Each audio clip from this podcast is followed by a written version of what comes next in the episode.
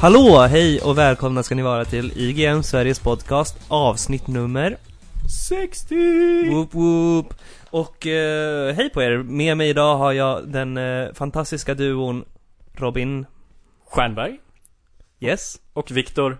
Sjöström, vad fan är det här för någonting? Jag tyckte, ja, jag tyckte ändå det var helt okej, för variationens skull Det är då du ska fråga vem Mm. han är med Aldo. Nej men jag bryr mig inte om vem han är. And your host for the evening, Aldo Sartori eh, Och eh, idag, mina herrar, ska vi prata om eh, uppföljare i vårt nyhetssegment. Eh, vi har också spelat en massa spel, bland annat Zelda. Vilka får ni veta sen. Och veckans ämne som vi ska hårdgräva i är karaktärseditorer. Mm. Hur mycket Mm. tid vi spenderar på dessa fantastiska verktygs... Verktyg? Verktygslåda. Verktygslådor eller någonting sånt. Ja. Ja. För, att, för att skapa gubbar i spel helt enkelt. Exakt. Eh, Så det ska vi prata om idag. Eh, Men eh, i sedvanlig ordning ska vi börja med att fråga våra gäster här i studion hur de mår. Ja. Ja, hur mår ni? Hur mår ni egentligen? Det mår bra. Mm. Mår bra. Det är, det är alltid lika trevligt att sitta här med er. Mm, mm. Du då, du då Viktor? Jag är förbannat trött ska jag erkänna. Det, ja, jag vet inte. Jag sov väl dåligt och jag har saker att göra efter det här så jag... Så lite stressad. Ja, stressömnig kan Du är man lite, säga. du är lite grumpy sådär. Ja, jag är en grumpy old man som Ja. fyller 60 avsnitt nu så Men Du är Viktor, less på den här skiten. get off Victor. my lawn. hur mår du egentligen? Ja, det ska vi inte tala högt om i en podcast. Det blir så deppigt då. Okej, okej. Men då går vi vidare tycker jag. Ja. Ehm, ja, eh, hur har er spelvecka varit? Har ni, har ni hunnit spela någonting eller har, har det hänt någonting särskilt i era liv eller så? Som har gjort att ni inte har kunnat spela? Min har varit rätt händelsefattig faktiskt. Mm. Jag har satt mig in i ett visst Zelda, som vi kommer till senare. Mm. Men annars har det varit rätt dött faktiskt. Yes. Du då Viktor, hur har din vecka varit? Jag har spelat konstiga, konstiga spel. Och ganska bra spel också, men Mm. mestadels konstiga. Eh, som vi kommer återkomma till. Nice. Det är lite flygplan och lite konstiga djur. Spännande. And stuff. Hmm, En what stuff. can this be? Jag har, min vecka har varit nice. Jag har mest, eh, Spel Dota?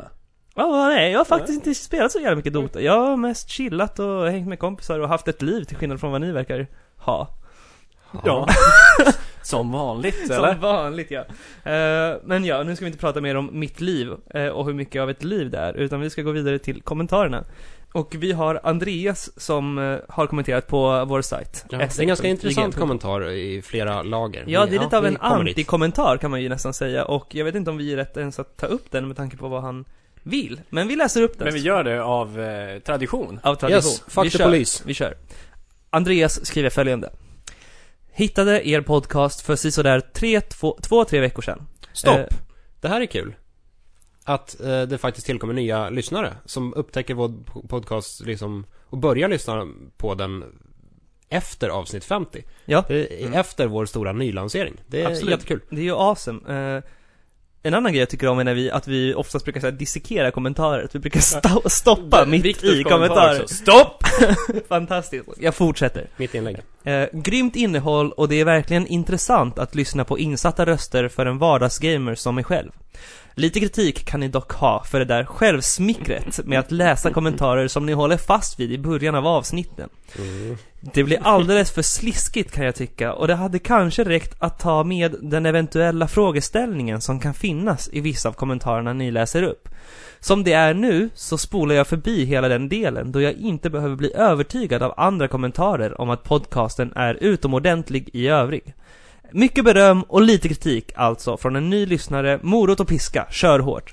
Jag Morot och piska, gillar det låter verkligen den en här lördagskväll. kommentaren. Den här kommentaren är så jävla bra. Det bästa är att vi läser upp den. Ja, det är lite konstigt men det här är ju, han har ju något att säga.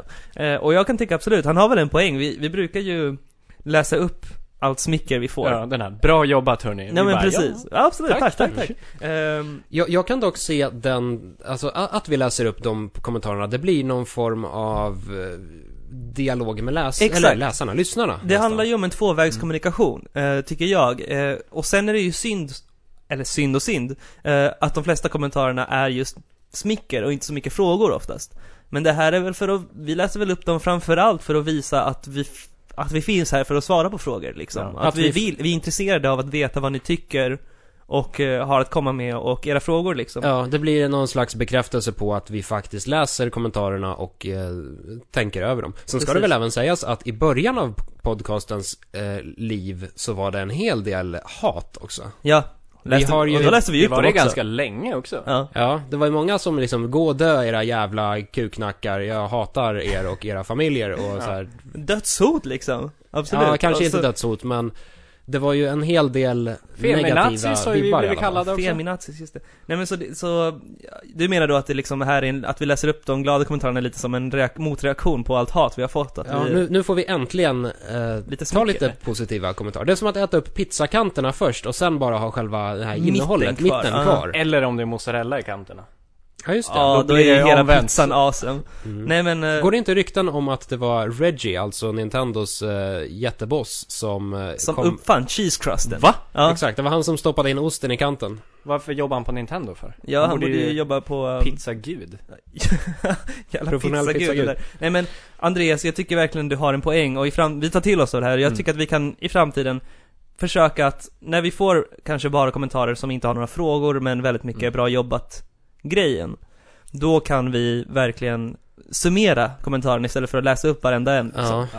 Samtidigt så är det lite svårt att hålla sig när det kommer en kommentar med så här, Oh you sexy you, eh, jag älskar dig. Ja, Då alltså vill om, man ju gärna... om, om, om det här Vart smaket... får du sådana kommentarer? ja, Ja. de här är jag Privata som- mailen eller? Ja, det kanske vi inte ska Nej men, ta. Nej, så men skicka jag- gärna in fler frågor. Mm, precis. Så kan det bli en ännu mer när ni, pass, diskussion. när ni smickrar kan ni passa på att lägga frågor. Eh, Mm. Men eh, Smickra konkret.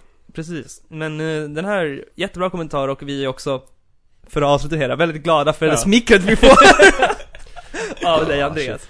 För, Eh, tack så mycket Tack, Andreas. tack och Hoppas det förlåt. Hoppas ni fortsätter lyssna. Eh, och det var nog den enda kommentaren vi fick den här veckan. Ja, Mm. Ja, ja, så eh, ska vi rulla vidare till nyheterna kanske? det gör vi.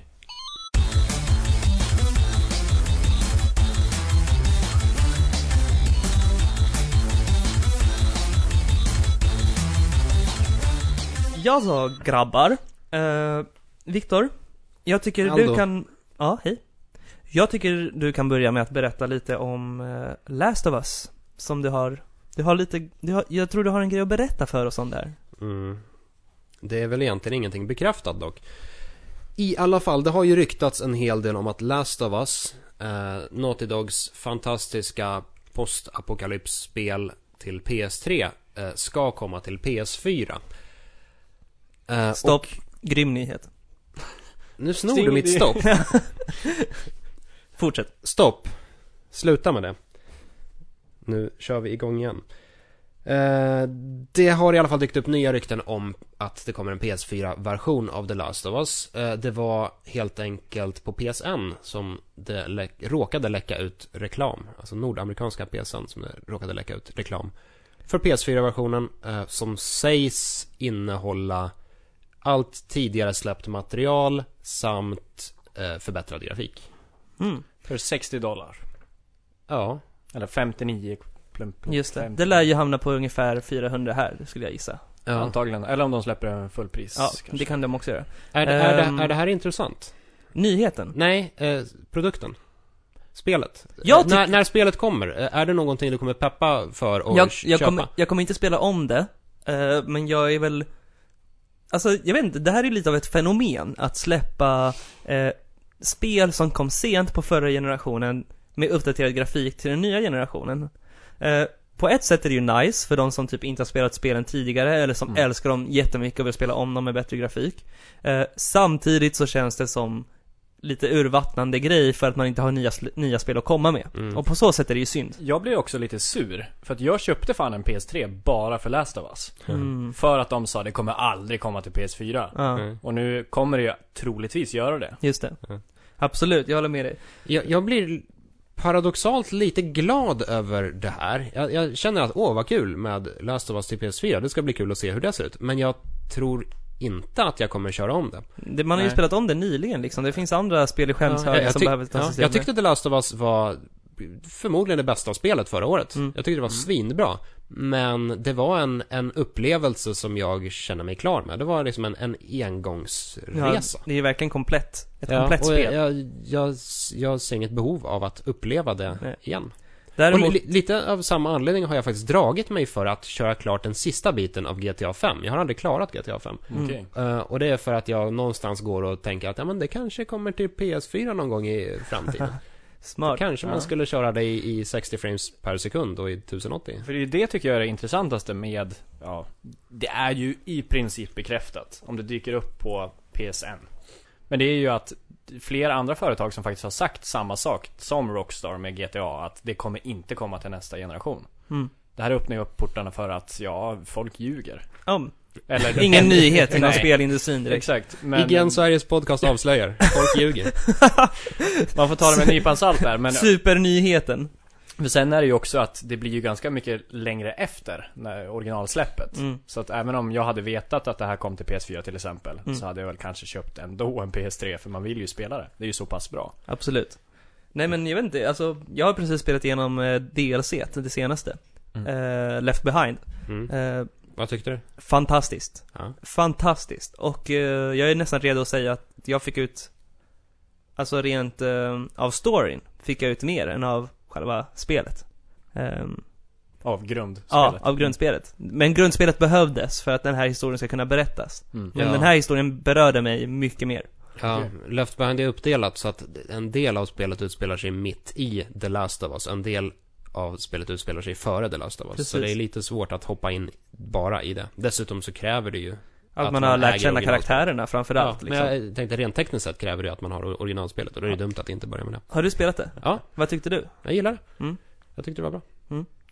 Eh, men, eh, så absolut, eh, är ni sugna på mer Last of Us så kan man ju alltid spela eh, Left Behind till PS4 om det nu skulle vara så att det Mm. kom till det också. Mm. Och har man inte spelat The Last of Us och äger en PS4, mot all förmodan, då är ju det här naturligtvis obligatoriskt. Yes. Då måste man fan in och kötta zombier. Eller Vi går svamp- vidare till eh, nästa nyhet tycker jag nu. Ta din då. Mm, vi kör min. Ehm, jag är ju ett stort fan av eh, Super Smash. Och eh, Ja. i natt, Jag gillar Viktor. Viktor och sexan. ja just det, Sjöström. Viktor gillar ju inte Super Smash. Okej men hur som helst. Det är väl Eh, okej. I natt sände Nintendo eh, en så kallad Nintendo Direct eh, klockan 00.00 eh, på 45 minuter som bara handlade om Super Smash. Eh, jag har inte koll på hela. Eh, men vi har plockat upp lite godbitar därifrån. Mm. Eh, Stopp! Sakurai, som gör Smash, han har ju åldrats sjukt konstigt ändå. han, han är ju, alltså han är jävligt snygg för sin ålder, har ni tänkt på det? Karn? Karn är ju typ över ut? 40 va? Ja, ja, ja. Och han ser ut som en så här 13-åring. 25-åring typ så. Nej, yngre än så. Han ser Ja. ut som en bebis. Nej, det skulle jag inte hålla Han är med ju om. Benjamin Button för fan. Ja. Han drar sig tillbaks. Väldigt, väldigt nej, men jag- fräsch gubbe. Ja men jag Där. tänkte på det när jag såg honom, så här, fan, mer snygga spelutvecklare liksom. Varför, fin- varför det finns så få liksom? Mm. Hur som helst. Eh, det vi har fått reda på om Super Smash är, framförallt så har man frågat efter ett releasedatum väldigt länge. Eh, och nu är det sagt att eh, Super Smash till Wii U kommer släppas i slutet av året. Eh, men det är också känt sedan Det är tidigare. fortfarande inget releasedatum dock. Nej, det är release window, eh, som det heter. Eh, Eller fönster. precis. Releasefönster. Släppfönster. Släppfönster ja. Och det har tidigare varit känt att man har haft ett Super Smash till 3DS på gång samtidigt. Mm. Det här spelet har också fått ett släppfönster. I mitten av sommaren kommer det släppas. Och ganska snart. Ja, verkligen rätt snart. Jag tycker det där är rätt roligt när man ger releasedatum som är rätt, in, rätt tätt in på själva utannonseringen av releasedatumet. Mm. Nintendo brukade ju vara kungar på det back in the days. Mm. När de, ja men innan internet överhuvudtaget fanns. Att så här, åh by the way, här har vi ett nytt spel, det heter Star Fox, det släpps typ eh, imorgon. Bam! Det är så jävla bra. Jag älskar det. Här har vi Donkey Kong Country, oj, nu kommer det, bam! Ja, men det var ju något galet E3 då Nintendo gjorde den där, när de, det här, det här publikflörtande E3, när det hade gått för långt med Wii och ehm, liksom ehm, så här casual gamers. Så de eh, hade det här året där de bara utannonserade massa nya, gamla, Just det. eh, eh, vad heter det nu igen, eh, spel som skulle komma ut som nya versioner typ, eller gamla favorit, Nintendo-favoriter. Mm. Så typ Donkey Kong Country och man hade Kirby's Epic Yarn, Mm. eh, och så minns jag inte mycket mer, men det var någonting annat. Mm. Zelda var väl samma år, var det inte det? Ja, det var det nog. Just det. Inte Twilight Princess då. Twilight Princess var 2004 i alla fall. Mm. Skyward Sword eller vart? Ja, skitsamma. Just det. Eh, hur som helst. Eh, det man mer har sagt nu är att eh, det kommer komma fem nya karaktärer. Eh, och det här är dock en sanning med modifikation kan man säga, för att fyra av de här karaktärerna är antingen har de varit med tidigare, eller så har de varit med tidigare men varit eh, inte ensamma karaktärer. En del Eh, av någon annan. Precis, så till exempel har vi Cheek, Cheek och Zero Suit Samus och Charizard eh, som kommer vara nu ensamma karaktärer. Tidigare har ju de här tre varit, Cheek, Cheek var ju till exempel Zelda som man kunde Mm. transformera till. Zero Suit Samus var ju Samus efter att man använde hennes eh, Final Smash. Och Charizard var ju eh, spelbar om man spelade som Pokémon Trainer. Yes. Eh, så det är lite, ja, det är väl lite såhär, ja. Eh, en annan karaktär som återkommer efter en, eh, tydligen så har han varit borta, men det är Yoshi. Eh, och den helt nya karaktären är Pokémonen från Pokémon X och Y som heter Greninja. Jag har spelat X och Y, men jag kommer inte ihåg vilken Pokémon det är. Var det en stor antar jag? Jag tror det. Jag kan inte säga. De borde ju ta ett av sina stora varumärken tycker jag. Precis. Men det är vad vi vet än så länge om Super Smash och eh, jag är astaggad. Varför? Älskar Super Smash. Okej. Älskar Super Smash. Alltså det är så jävla roligt. Okay. Eh, varför är du inte taggad? Alltså, jag, jag, tycker att Smash Bros-spelen är ganska kul att följa så här innan releasen. När man får så här 200 nya screenshots och bara titta på alla roliga detaljer och så här, åh titta där är eh, bakgrunden från Pilot Wings och där är en Superscopen från Super Nintendo. Men den processen kan jag, den, den, den är ju igång nu snarare än när spelet kommer. När spelet kommer då har jag redan sett det mesta känns det som. Och så här, den typen av fanflörtande, den kan jag lika gärna ta i bilder. Som i spelform. Alltså en grej jag gillar med Super Smash, det är att det är ett spel som öppnar upp för att man kan bli riktigt bra på det. Eh, vilket är rätt unikt för Nintendo-spel av den här typen, om man jämför med typ Mario Party eller Mario Kart. Då är det så här, ja man kan bli bra på dem, men ofta så brukar folk vara på en rätt relativt jämn nivå så här och kanske inte vara superpro på det. Men Super Smash är verkligen ett spel som jag kan plocka upp med gamla och nya kompisar. Och så visar det sig att så här, för jag tillhör den generationen som är lite så här, typ spelar det här spelet rätt mycket från typ mellanstadiet framåt. Eh, Så alla är typ jävligt bra på det. Och folk tar det på jävligt stort allvar och eh, det är ju ett spel som är typ relativt stort inom så här eh, Nintendo e-sportscenen om man ska säga så. Det kanske är deras största liksom tävlingsspel. Men det är ju ändå väldigt förlåtande om man jämför med andra fightingspel. Du Det kan ju inte spela tecken med någon helt nybörjare. Nej, så du är kommer det ju spöa bara sopa mattan med den. Absolut. Spelar du med någon ny, kanske de har en chans i Super Smash. Precis, eh, och det jag menar är då att det är ju inte svårt att sätta sig in i, men djupet är jävligt stort och de jag brukar spela med är oftast jävligt insatta i Mm. det. Och jag tror att det beror på att spel, serien har hållit på så länge och fått ett så, så brett genomslag liksom. Eh, därför är jag taggad. Jag tycker att det är lite för, lite för kaotiskt och lite för så här svävande i sin känsla. Mm. Det, ja, Gillade ja, du Power Stone till Dreamcast? Eh, ja, det gillade jag det var ju ju ändå. lite snarlikt. Ja, fast där ser man väl snett uppifrån Ja, också ja. va? Då, ja, det blev en liten annan grej. Jag gillar nog Powerstone mer än Smash Bros. Mm. Vi går vidare till nästa nyhet nu. Yes. Eh, Robin, din tur. Och den är på din plan. Ett av dina favoritvarumärken. Ja, kan man väl säga. En uppföljare-ish till ett av mina bäst favoritspel för förra året. Som jag faktiskt spelar lite titt som tätt fortfarande. Mm. Borderlands Pre-Sequel. Som är en, ja, en uppföljare fast en prequel. som utspelar sig mellan ettan och tvåan och vi får, får till slut vara på den förbannade jäkla Hyperion rymdbasen som det teasas om i hela Borderlands 2 i princip. Det Det är alltså- den som man ser vid månen hela tiden. Exakt, det Som ser H. ascool ut. Så, Ja. Och sen är det lite coola ljuseffekter runt den. Den har väl en stor lysande lampa mitt Mm. på H1. som Nej, bara hur- kommer man bara vara på den här? Är det... Men man kommer vara på månen också. Okej. Eh, och man är en av fyra karaktärer, som i de andra spelen, Mm. eh, som jobbar för Handsome Jack. Som är skurken i tvåan då. Innan han tog över hela det här Hyperion-företaget. Det stora med den här nyheten är ju att det är vilka konsoler det släpps till. Yes. Xbox 360 och PS3. Mm. Och PC då. Boo this man. Eh, Boo. så här kan man ju, här kan man ju också öppna upp för en diskussion. Eh, vad tycker vi om att det inte släpps till Next Gen? Jag är, ja, jag, jag känner mig ganska färdig personligen med, med 360 och PS3. Så jag, för mig är det, det känns lite surt att de inte kommer. Jag kan ju Ja. säga så här, bara för att du känner sig färdig betyder det, sig, betyder det inte att vare sig spelare eller typ Sony själva gör det. Eller För att, typ din ing- 360 är färdig med dig. Dude, wait what? För ingen verkar ju ta Next Gen på allvar än så länge. Nej. Nej, alltså det, det, rent logiskt sett så finns det naturligtvis en anledning till att det släpps spel på den gamla generationen förut. Och det är att det finns en väldigt stor installerad eh, bas där. Mm. Medan de nya konsolerna inte alls finns i samma utsträckning ute i hemmen.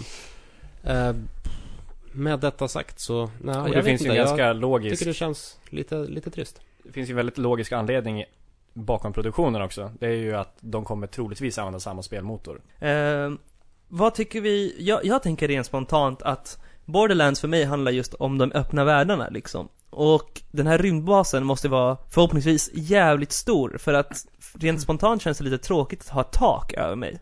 I Borderlands, för jag tycker de tråkigaste är just när man är inomhus i Jag vill ha citadellmiljö i sådana fall. Mm. Från, Ja, precis. De, de, de, kan, de kan ju jobba runt det på olika sätt. De kan göra som Citadellet i Mass Effect, de kan göra som ringvärldarna i Halo, eller Mm. planeten Reach som också har lite halv inomhusmiljöer. Just det. Eller den i fyran var man ju också inuti. Ja just det, det var ju hela den där det stora var ju fortfarande äckliga väldigt stort. Liksom. Ja, eller den i trean. Och tvåan. Och ettan. Mm. Ja, Så de kan ju komma Men de runt. kan komma runt det. Mm. Ja.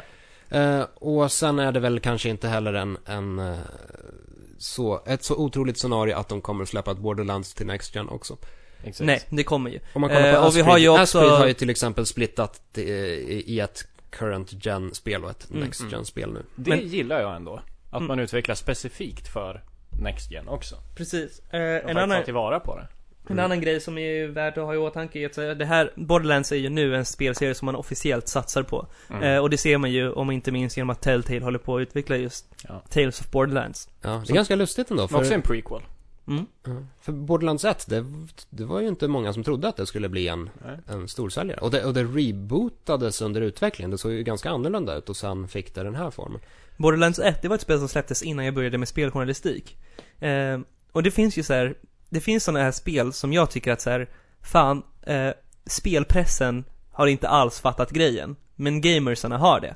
Eh, och Border- Borderlands 1 var Fick ett det dåligt betyg eller? ja, relativt ljumma Ja, betyg. Fick, fick väl ganska bra betyg. Jag har att jag satte en sjua på det, eller något. Mm. Men jag tycker att Borderlands, det, det hade potential men det hade samtidigt stora problem. Mm. För världen, framförallt tyckte jag kändes väldigt, väldigt död. Mm, mm, Eh, mm. Och det har ju blivit en av de bästa grejerna med Borderlands nu. Att Mm. världen är så varm och flummig och eh, indragande och Mm. humorn är kul och sådär. Ja, det 1, det var ett det- jävla ödeland. Det är få spel som Skap. gjort ett så stort hopp mellan sin föregångare och sin eh, uppföljare som Mm. Borderlands, Borderlands 2. Alltså många spel brukar bara ge li- lite mer av samma och så här, grundspelet var kanske rätt bra och sen fortsatte det vara rätt Bygga bra. vidare lite mekaniken. Precis. Men det gjorde de i och för sig inte så mycket mellan där. Så det kanske är därför. Jag vet inte vad, men, annat. men de satte huvudet på spiken tycker jag liksom när de körde Borderlands 2. Det var någonting som hände där som lyfte spelet så mycket högre.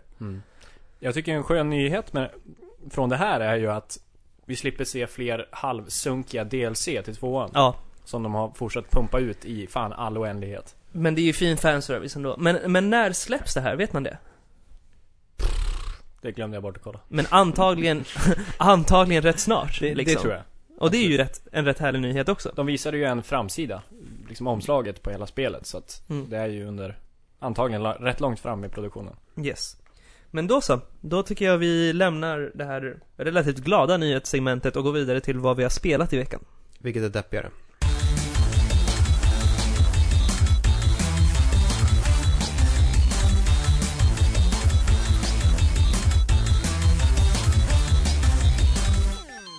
Viktor, Mm. jag tittar på dig. Mm. Bra radio.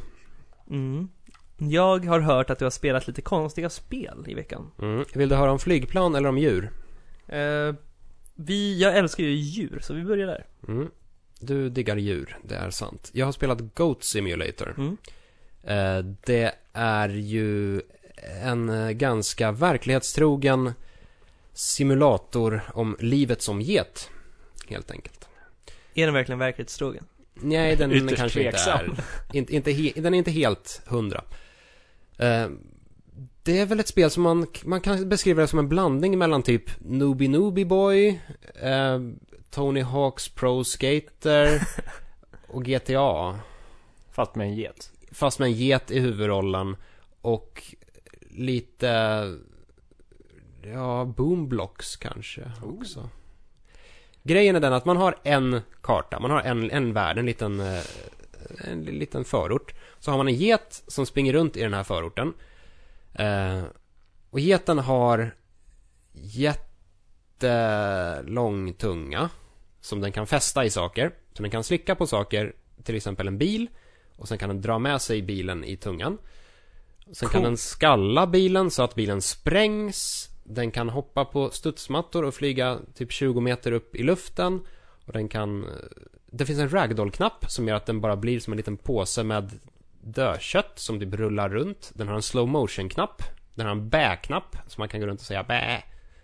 Eh, och sen är det inte så jävla mycket mer. Det är bara en så här en flummig jävla fysik sandlåda. Med Vilken en, jävla superget. med en superget i, i huvudrollen. Och det är... Jävlar. Det, det är, Är det lika roligt som det låter? Det, det, alltså det är ju... Eller är det roligt i 10 minuter? Det är ju hysteriskt. Det är det. Och det är, det är ganska, trots allt, det är ganska roligt ganska länge. Överraskande länge. Skulle jag ändå säga.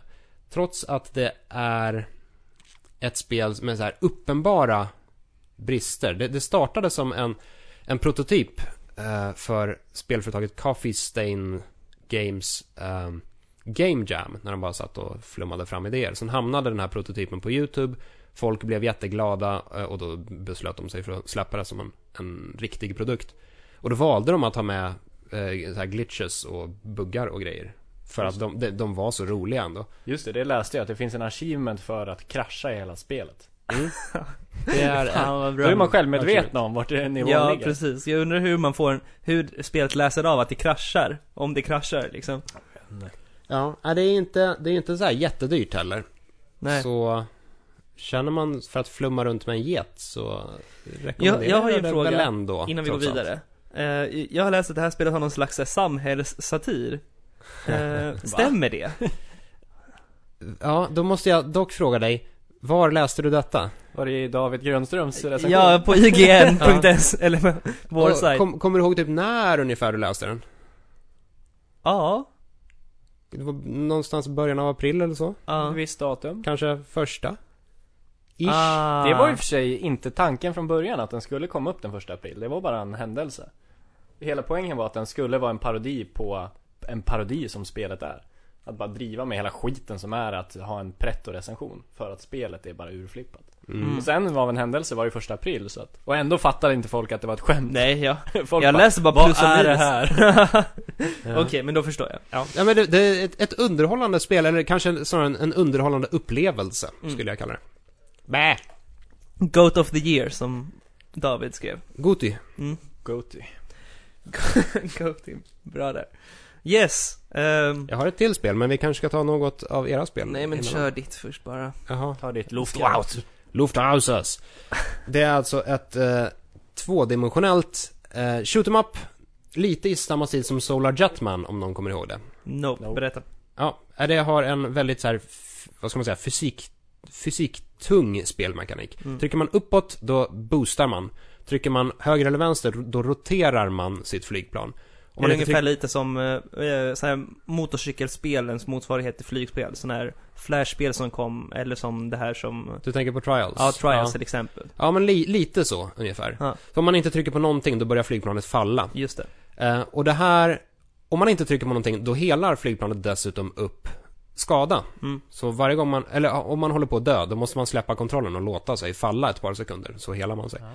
Eh, och sen är det ett ganska intensivt, väldigt svårt, eh, typ bullet hell-spel med andra världskriget miljö, helt i urblekt grå eh, färgskala. Mm.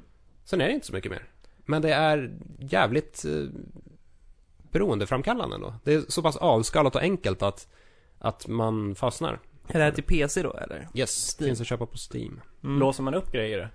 Eh, ja, man kan låsa upp lite olika vapen och motorer och grejer till flygplanet. Men det är inte, det är inte jättemånga saker. Men vad, vad ligger underhållningen i? Underhållningen ligger i att, att eh, bemästra hela den här spelmekaniken och Mm. bara lära sig exakt hur man, hur man flyger flygplanet. Det är lite så här gammaldags, old school spelmekanik. Vad skulle du ge spelet? Jag skulle väl ge det någonstans mellan en 7 och en 8 kanske. Bra betyg. Mm. Har lite gemensamt med typ spelupplevelser som, spelupplevelser som eh, Nidhogg till exempel. Mm. Alltså att det är väl, väldigt retro doftande avskalat enkelt. Men samtidigt så kan man inte sluta att spela. Mm. Good shit. Ja. Tack för det Viktor. Tack själv Robin. för att jag fick komma hit. Ja men det var, det var kul att ha dig här. Hej då. Hej då. Eh, Robin. Halvretro, kanske, ish. Ish. Eh, vi har båda spelat eh, spel från samma spelserie. Med olika spel. Ditt lite nyare än mitt. Mm, du har spelat Wind Waker HD. HD. Till Wii U. HD och grejer. HD är mycket fint. Och jag har spelat eh, eh, A Link Between Worlds. Alltså Zelda, uppföljaren till Zelda 3 som släpptes i 3DS förra året. Mm. Eh, vi har ju pratat lite om det tidigare, men jag tänker att vi kan gå tillbaka till det här. Låter spännande. Mm, då börja börjar Wind Waker då? Vad sa du? Ska vi börja med Wind Waker? Ja, vi kör. Det gamla av dem. Det gamla. Det gamla av dem. För jag spelade det på Wii U och det var ganska många år sedan jag spelade. Mm. Sen senast liksom. Mm. Det första jag kom att tänka på var att jag bara, men vadå, det här ser väl ut som det gjorde. Som det alltid gör när man spelar såna HD-versioner Ja. man inte spelat dem på väldigt länge. Då, det är då de har gjort det rätt. tycker jag. Och så kollar man och jämför, bara Mm. jävlar vad fult det var Yes. förut. Mm. Mm. På vissa sätt tycker jag dock att originalet är snyggare än HD-remaken. På vilket sätt? Jag tycker att ljuseffekterna är snyggare i originalet. Mm. I, I originalet så hade ljuseffekterna eh, effekterna och typ ljuskäglorna, eh, till exempel om man hade en lampa så kastade en ljuskägla på golvet. Den hade väldigt hårda kanter. Mm. Eh, här så fejdar de ut och det ser mycket mer generiskt ut. Det ser ut som en, Det tycker jag vilken ljuseffekt som helst. att det ser inte lika tecknat ut. Nej, Det inte ser lika lite mer kantigt. 3D-modellerat ut än vad det gjorde förut. Ja. Mm. Men eh, berätta vad du tyckte om förs- först om, om Wind Waker i överlag liksom, innan. Jag älskade Mm. vanliga Wind Waker. Eh, väldigt mycket för att det är så otroligt fritt i Mm. upplägget och att det tar en väldigt, ja, inom Zelda-världen i alla fall, mörk vändning ett tag in. Att Mm. man hittar Hyrule, att hela världen har gått under och sådär. Wind Spoiler! Waker, Wind Waker känns ju lite som att det här är det, det Just det, spoilercast, men det är för fan 10 år gammalt. Ja. Eh, Wind Waker känns lite som spelet som vi älskar mest i Zelda-serien. Vi brukar ju oftast hylla det. Jag vet inte hur du, du är ju Ocarina of Time-kille ser man ju, eller Link, nej du är ju Zelda ser man ju 3, på Zelda det. 3-kille, det ser man ju på dig. Dude, wait what? Eh, nej, jag tycker att, att Wind Waker är ett av de absolut bästa. Ja, det är väl um, Ocarina of Time, A Link to the Past, uh, Majora's Mask är jag väldigt Mm. svag för. mm, Eh, och sen är det väl typ Wind Waker. Det är Mm. de, Mm. de jag gillar bäst. mm.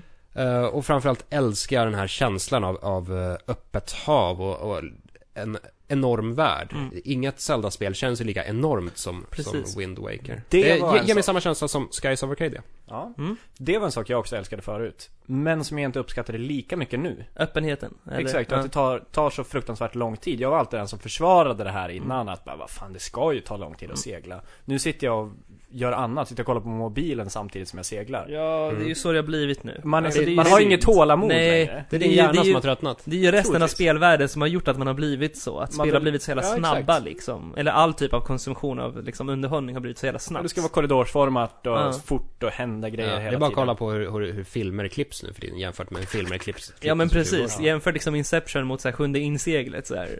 Alltså Ja, det, här, är- det här är precis så Aldo.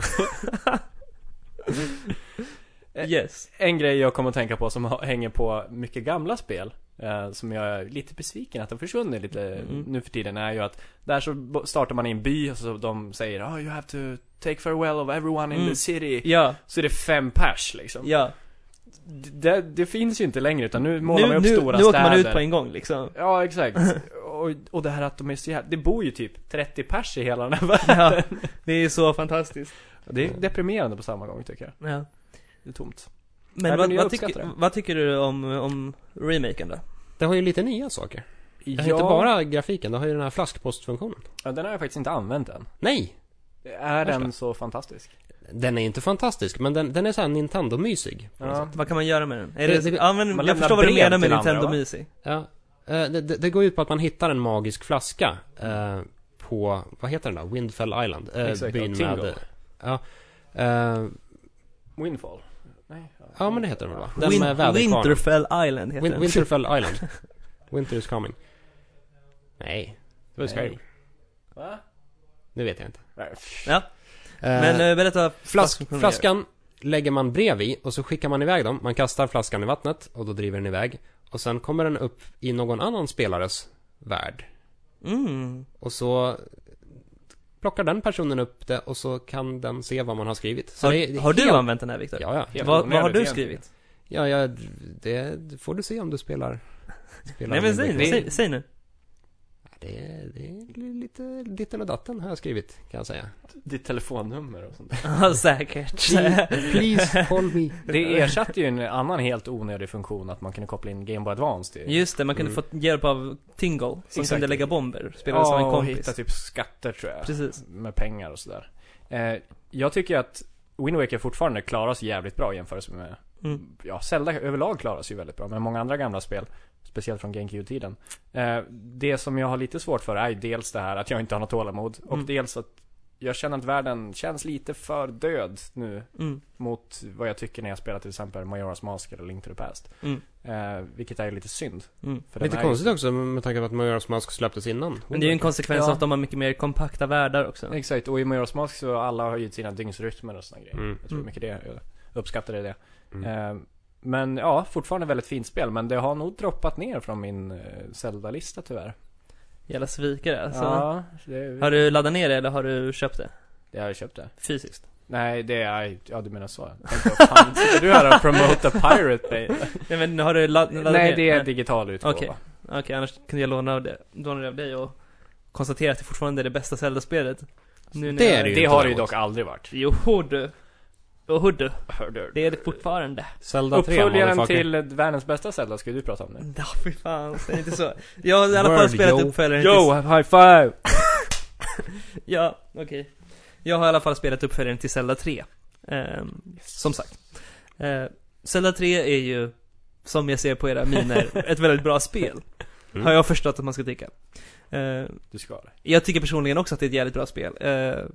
Spe- speciellt för soundtracket. Ehm, det spelade, det har spelat ut sin roll lite liksom. Det, det, det var viktigt, det, har, det var ett viktigt spel i Zelda-seriens utveckling. Kanske det viktigaste. Eh, men inte det bästa skulle jag säga. Fan, ute på grunt vatten Ja, absolut, absolut. Eller jag säger man djupt vatten? Ute på grundvatten säger man inte. Man kan säga att Zelda 3 är, är lite Zelda-seriens svar på Aldo Sartori. Är det det du menar? Spelat ut sin roll. Var aldrig bäst. Vad Men viktigt för jävligt utvecklingen viktig, jävligt viktig. Viktiga tag. Eh, ja, ungefär Passerande.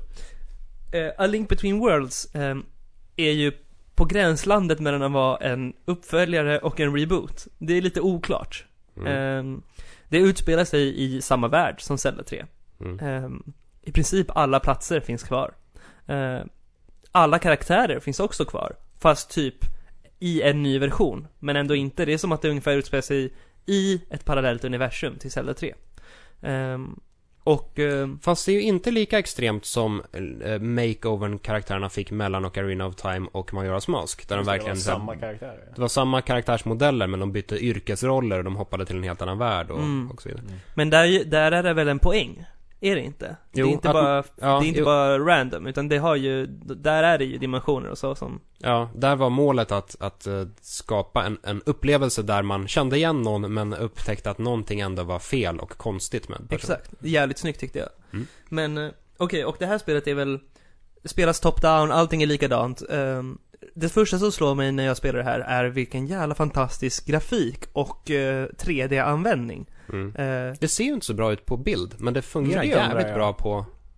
För På- jag har aldrig varit, jag, jag tappade hypen för jag har inte spelat det här mm, mm, mm. än. eh, Av någon outgrundlig anledning. Men jag tappade hypen när jag såg grafiken. Ja. För att det är väldigt mycket 3D så. Funkar den grafiken alltså? Skitsnygg och bra 3D, kanske det bästa jag har sett i ett eh, 3D-spel faktiskt. Ja. Eh, Det är det här, Mario Kart och eh, eh, Mario 3D World. Ja, Mm. De bästa Land. 3D-spelen liksom. Ja.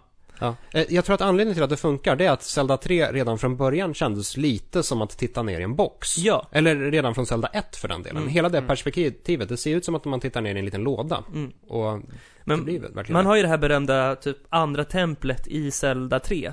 Eh, som just har det här djupet när man, det är den här templet där man, sista bossen är den här larven. Eh, Mm. som kan knuffa ner den. templet. Vad sa du? Tredje Tredje. templet. Ja, tredje. Som kan knuffa ner den för, för hål och så liksom. Mm. Och den här bossen återkommer ju. Exakt likadant. Eh, templet är inte likadant dock, men det är fortfarande, det går ut på att klättra upp för ett torn och så vidare. Eh, och det är så snyggt, liksom, för då har de verkligen utnyttjat 3D för att få den här känslan av djup, att man kan falla och så. Men det här är ett spel man faktiskt spelar med 3D. Jag gör det. Jag stänger ju av 3D på alla 3D-spel i vanliga fall. Jag, jag gör det för att eh, det är snyggt. Eh, faktiskt. Jag stänger inte av det om jag inte spelar på kollektivtrafiken typ. Så att eh, personen sitter bredvid kan titta på.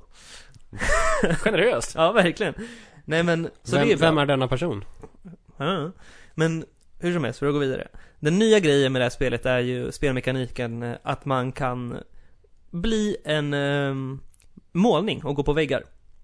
Eh, och det är ju jävligt bra. Eh, för att så här, eh, Och lite konstigt. Ja, lite konstigt för att det tar väldigt lång tid för mig att komma in i det här tänket. Det är flera pussel som har tagit jättelång tid att lösa. Eller inte jättelång tid, men en liten tid för att jag bara, åh just det, jag kan ju bli en del av väggen så här. När man väl får in tänket, det är lite som Portal. När man väl får in tänket, då går det bra. Känns det naturligt i, i spelet då? Ja, det känns Eller inte känns det som konstigt. en plojgrej? Nej, det känns inte konstigt. Jag tycker att det bara Det är ett sätt att, eh, i och med att det utspelar sig i en värld vi redan har varit i, så är det ett sätt att få den världen att liksom kunna utforskas på andra sätt. Annars skulle typ alla pussel lösas på exakt samma sätt liksom. Och vad mer, jag vet inte, alltså det är väldigt mycket, det är väldigt mycket déjà vu över det hela på ett bra sätt tycker jag. Eh, däremot så märker jag att svårighetsgraden är inte så hög. Och jag vet inte om det beror på att jag har blivit äldre, eller på att det bara inte görs lika svåra Zelda-spel längre. Men jag fastnar väldigt sällan.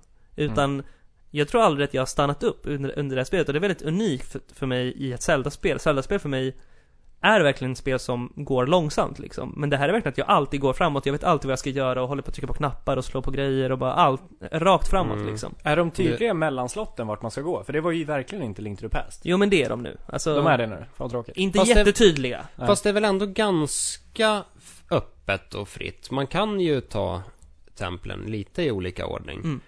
Eh, precis som man kunde med Zelda 3. Mm. Det märkte ju egentligen bara ut de tre medaljerna på kartan och sen Precis. de sju kristallerna på kartan. Mm. Fast där behövde man föremålen, så det är ju en sanning med modifikation. Ja, Eh. jag, när, när jag körde igenom Zelda 3 för första gången, då brukade jag dock gå in i ett tempel, upptäcka att det var lite för svårt, Mm. men ändå få med mig föremålet ut ur templet igen. Mm. Så jag tror att jag körde templen i en väldigt konstig ordning första gången körde. Här har de ju gjort en grej av det att man kan ju få tag på alla föremål i spelet i princip redan i början. Oj. Eh, så man får inte föremål av templet. Eh, som krävs för att klara sig liksom. Okej. Eh, och det gör ju att du kan ta dig an vilka tempel du vill, i vilken ordning du vill liksom. Man, man hyr föremålen av någon liten uh, mupp, Märklig kanin, nisse som Mm. heter Ravio? Ja, Raivo? Ravioli? En väldigt rolig Raivo? liten figur. Men Men hur hur som, funkar det då? Det känns som ett väldigt långt steg bort från Zelda. jag tycker det är roligt för att då har man någonting att spendera pengar på för man får hyra dem för så här 50 rupees, vilket är ingenting. Mm. Eh, men sen kan man också köpa dem för att när man hyr dem blir man av med de föremålen om man dör. Men Ja, om man köper dem Dör för... man förlorar man allt man har hyrt. Precis. Oj. Men köper man dem för 800 rupees så får man dem permanent. Så då har jag ju i alla fall ett skenval av att ha någonting att köpa liksom. För det har man ju aldrig i Zelda-spel. Nej, ju- det är ett, ett av Zeldas största problem, att man går runt med för mycket pengar. Precis. Ehm, verkligen så Money liksom. Ja, det är lite som, bara, som verkligheten för oss då. Ja. Det är ett stort problem, vi har för Bara- mycket pengar. Pengarna bara finns där. Vad tycker du om det här? Snygg. Om du sätter ett betyg? Jag tycker det är skitbra men också lite konstigt att så här, det går så, det går, det är så enkelt liksom. Mm. Eh, och jag tror inte det beror på mig. Eh, eller jag tror det beror på mig. Att du är för bra? Jag menar att man har blivit lite för, att man har blivit lite så här. Lite mer, man vet, man Du är kan, lite man, skadad? nej men man kan Zelda vid det här laget liksom. Man, Mm. man är inne i Zelda-tänket och det går bra. Ja, Eh, alltså Zelda 3, när jag körde igenom det första gången, det var, det var ju en svår nöt att ja, knäcka. ja, ja, ja. Mm. Eh, Men som senaste Zelda-spelen, det är ju med så här kötta rakt framåt. Senaste. Zelda-spelet jag körde fast i, det måste ha varit typ Ja men Majoras Mask, Mm. sista templet och då be- berodde det på pussellösningen. Jag körde fast i vattentemplet i Wind Waker minns jag. Men eh, hur som helst så här. Eh, jag skulle ge det en åtta tror jag. En stark åtta. Mm. Eh, soundtracket, alla rem, rem, remixar på gamla låtar är asbra. Och nya låtar är också jävligt bra, liksom. Mm. Eh, men en tanke jag vill diskutera innan vi släpper det här och går vidare till ämnet är att så här, jag undrar om man kan prata om lite så här fin, fina reboots och fula reboots. Eh, för att det här spelet, Zelda, det här har ju blivit jättehyllat. Eh, och jag tror att det beror väldigt mycket på att det är en reboot till ett spel som redan från början har otroligt hög status, alltså Zelda 3. Eh, om vi istället kollar på Yoshi's Island 3DS, som släpptes nyligen. Jag har personligen inte spelat det.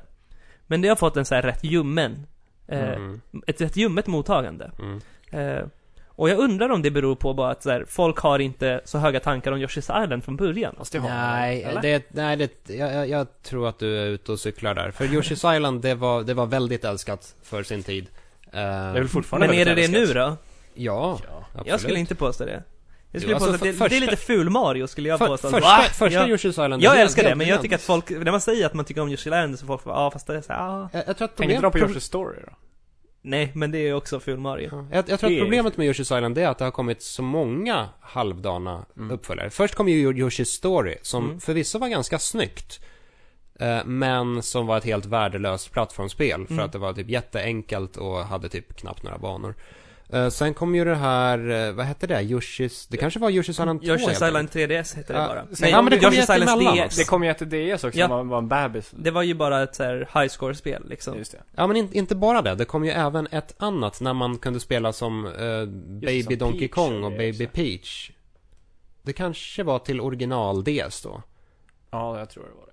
Och det hette kanske helt enkelt Yoshi's Island 2. Jaha. Eller något. Jag kommer Oj, inte ihåg exakt. Okej, men, Men ni, he- tror, hela ni den här- tror i alla fall att den här teorin är åt helvete? Jag tror att den är klockren. Och att, ja, Yoshi's Island-serien har tjatats ut. Han tror att hans teori är klockren. Ja, okej. Att din suger. Ja, Så kan det vara. okej. Ni hörde det här först. Vi går vidare då. Vi släpper det. Whatever guys.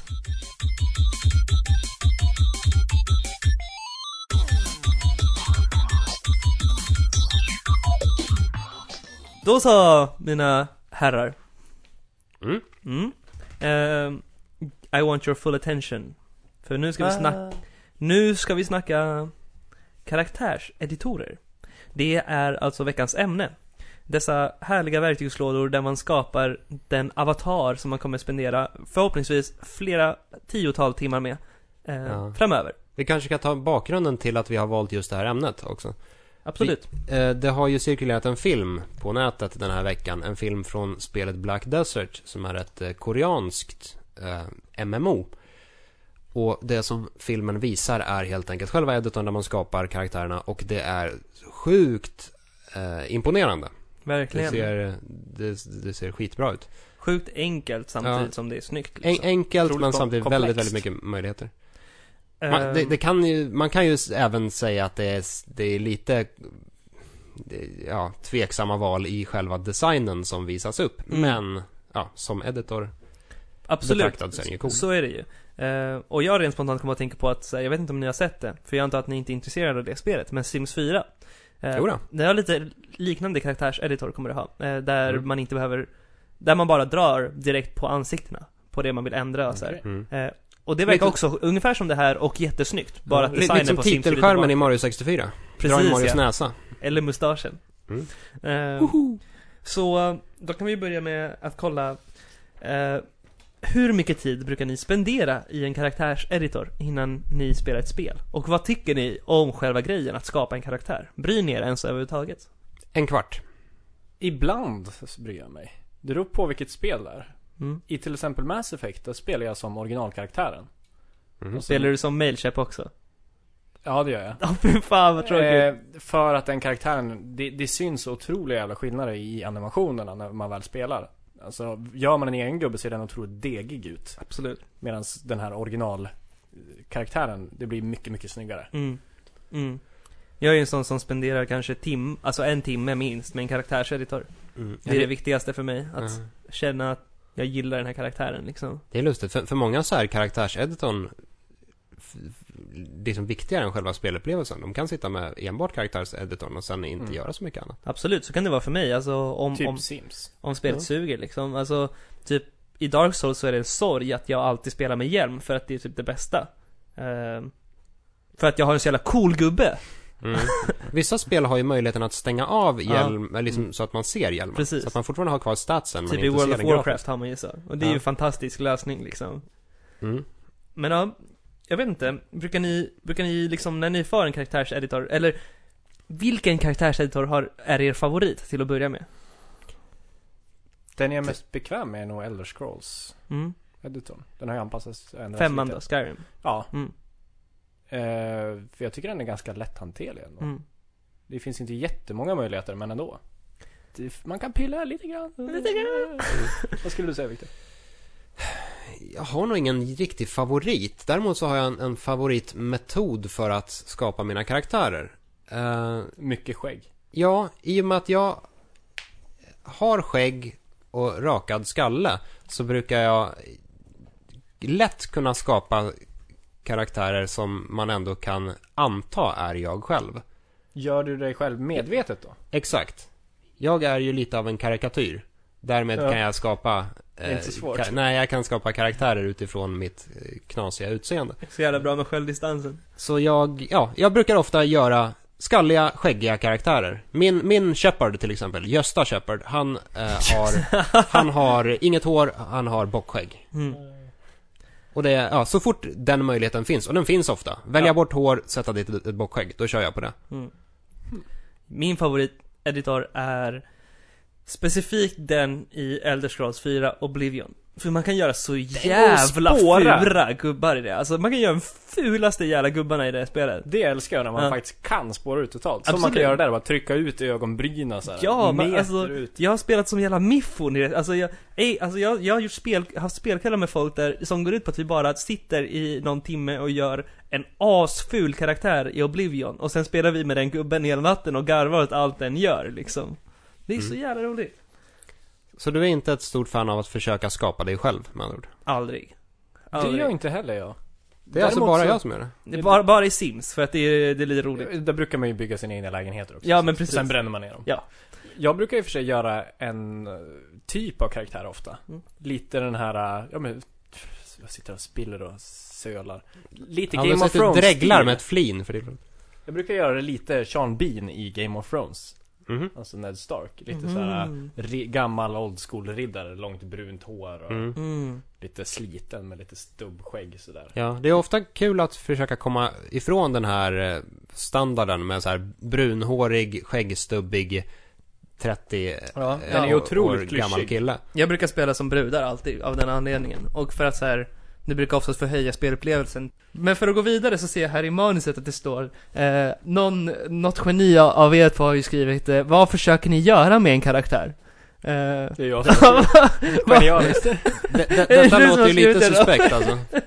Men det alltså Varför i kan du förklara? editorn. vad, vad försöker du göra med din karaktär? Everything nasty.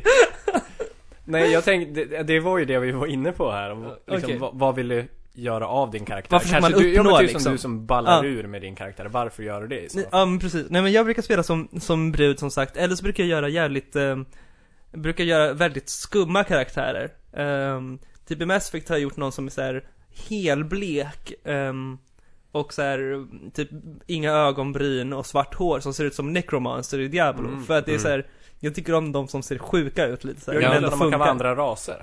Vad sa Jag du? gillar när man kan vara andra raser. Mm. Sällan dock att man har lika mycket valmöjligheter. Mm. Som i uh, Elder Scrolls när man tar en katt liksom. Ja, det är sant. kan, kan inte göra jättemycket olika Nej. katter. Nej, det är mest så här. En Khajiit är jag en ha Khajiit.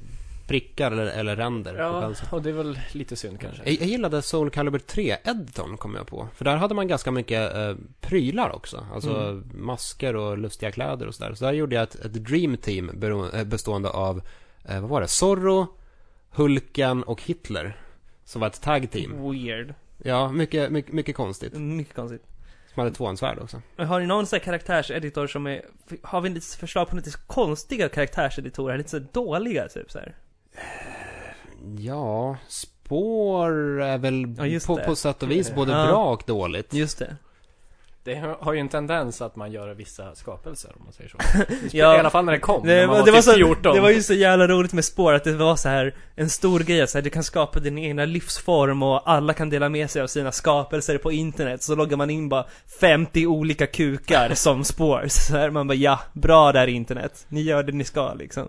Ja, man kan inte anklaga eh, internet för, för kukar. För kuk, internet is just being internet liksom. kukar och internet går hand i hand. Absolut. Eller hand i kuk, kanske. Kuk, kuk.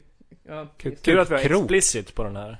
Ja, det är fan på tiden. Och vi har även fått eh, den härliga Dude Bro-stämpeln. Ja, Så eh, konstigt, konstigt när det är bara att kötta vidare. Just det. Men ha- har ni någon karaktär som ni är otroligt nöjda med, som ni liksom alltid tänker tillbaks på? Eller någonting sånt så här. Jag gillar ju min Gösta Shepard. Eh, sen körde jag med eh, Darth Victor i Knights of the Old Republic. Han var i princip samma sak. Mm. Väldigt, väldigt ond. Inget hår, bockskägg. Gick runt och bara force manipulerade folk att hoppa ner i avgrunder och snodde deras pengar och betedde sig jävligt. Hörrni, vi, vi har liksom suttit här och snackat karaktärseditorer utan att nämna Saints Row.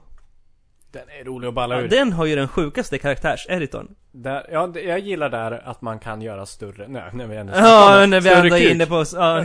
Det är, det är ändå en kul funktion som inte har funnits innan för man kan alltid liksom justera hur stora bröst ska kvinnliga Mm, karaktärer Mm. ha. Ja, du- Dudebroighet i all ära, men det...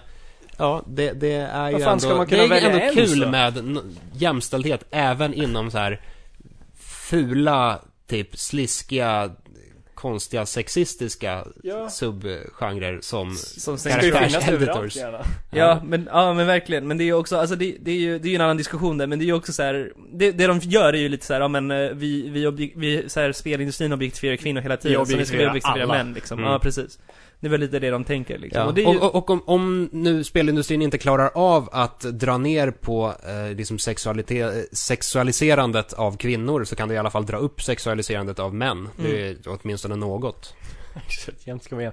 Jag, jag gjorde den, de, den bästa duon i nya Saints Row. Eller ja, den förra, Mm. fyran. Eh, spelade co-op med en kompis och vi gjorde Vin Diesel och The Rock från Fast Five. nice. Det känns väldigt passande i den Nice. atmosfären. Men en, en grej som alltså jag tycker Saints Row eh, karaktärseditorn faktiskt är rätt, eh, typ, skulle nästan kunna säga, inte revolutionerande men mycket bättre än de flesta.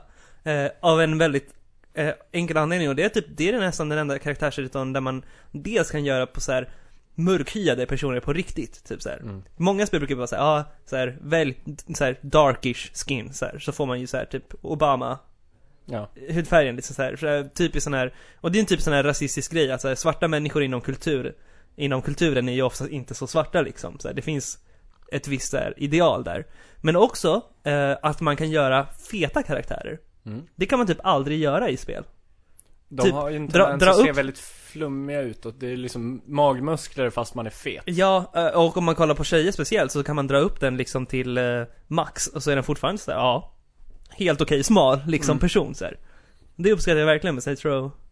Så där, senast körde jag där gjorde jag en asfet karaktär. Mm. Mm. Det är det. Så jävla fet var den. Så jävla fet. Det är fel. Det om det. Är det viktigt med en karaktärseditor? För er i ett, ja men säg ett rollspel då till exempel. Ja, jag, jag, om jag fick bestämma skulle alla spel ha en karaktärseditor. Typ. Super Mario. Ja.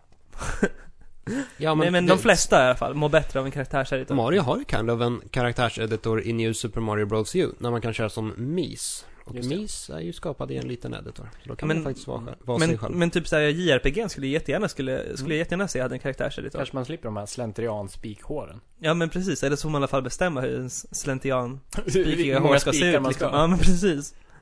Så Mm. absolut, jag tycker det är jätteviktigt för att eh, det är ett så roligt moment också. Så det är bara så här. Och det skapar en mycket starkare relation till min karaktär. Jag bryr mig mycket, mycket mer om den. Mm. Det är typ som nu när jag har spelat Infamous. Ehm, och eh, den här personen som man spelar som, Delsin Rowe, går runt i sina jävla fula punkarkläder. Och jag vill bara gå in i en butik och klä upp honom liksom så här. Men det Mm. går inte. Han ska gå runt i sin jävla läderjacka med nitar, läderväst till och med.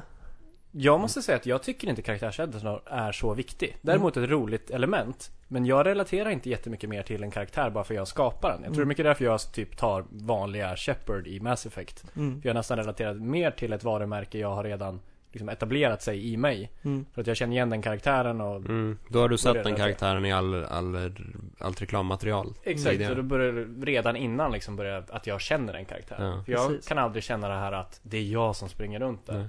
Nästa steg för att kanske få, få en att känna mer att det är en själv, eller i alla fall ens egen skapelse. Ja, det handlar mer om det, ens ja, egen men det, skapelse det, kanske, liksom. det, det kanske kunde vara om man fick börja spela in röster Det också. vore coolt. Mm. Det behöver ju inte vara en hel, liksom Mass Effect-dialog, men kanske lite, eh, Grunt. ja, krigsgrymtanden och, och Mm, det. skrik och så här yes och no och lite sånt där. En annan grej är att karaktären ska börja lukta som man själv luktar också. Hur hade du tänkt att det skulle förmedlas? Ja men, genom, Folk genom, kommenterar genom teknologi. Genom internet? Ja, och sen när man spelar så, typ om man spelar som dig Viktor, så kommer folk gå runt och bara Fy fan vad äckligt det luktar, gå och duscha liksom. Var inte det ett aprilskämt i Super, Superplay en gång? Jo, Att det ett skulle jättegammalt Att, att jag luktade ja. illa? Nej, att man skulle, att game, att Nintendo skulle släppa så här eh, en grej till GameCube där man kunde ha i så här eh, doftgrejer. Som Som, typ i Pikmin skulle lukta gräs och sådär. Precis, Ja. så de skapade Mario, lukt Mario Kart skulle lukta bränt gummi. Det är jävligt bra aprilskämt alltså. Ja, det Mm. var Jag trodde ju på det i flera år, för att man var ju typ 13. Ja, jag trodde också på det. Ja, det var en eh, väldigt snygg eh, photoshop. Och så skulle man ladda den med små, ja de såg såg nästan ut som såna här diskmaskinstabletter. Som man Precis. laddade, så här doftampuller. Det är väl nästa steg i karaktärseditorn kanske? Doften, Mm. just det. Mm. Rösten Måste- och doften. Måste man spela Resident Evil och känna lukten av ruttet kött.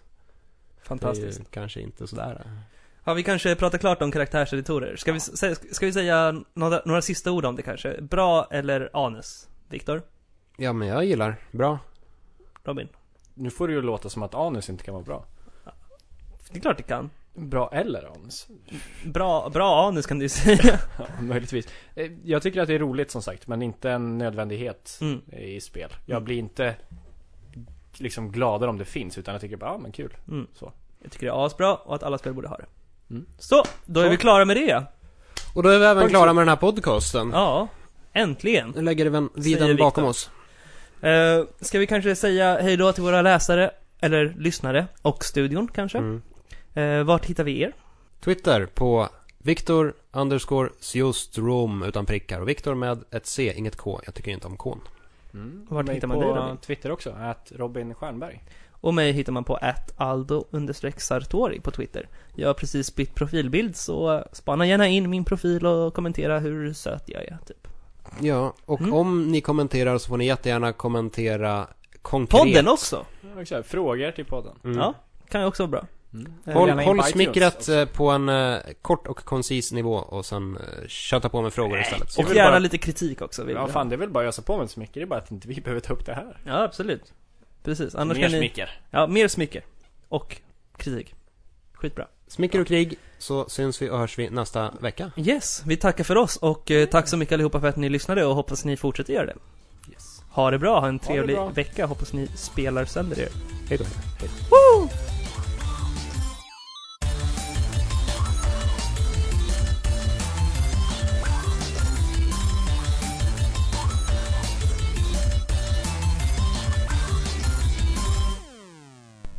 Jesus Christ is coming for you. This Headshot! first blood. Monster kill! Ultra kill. Godlike! Dominating.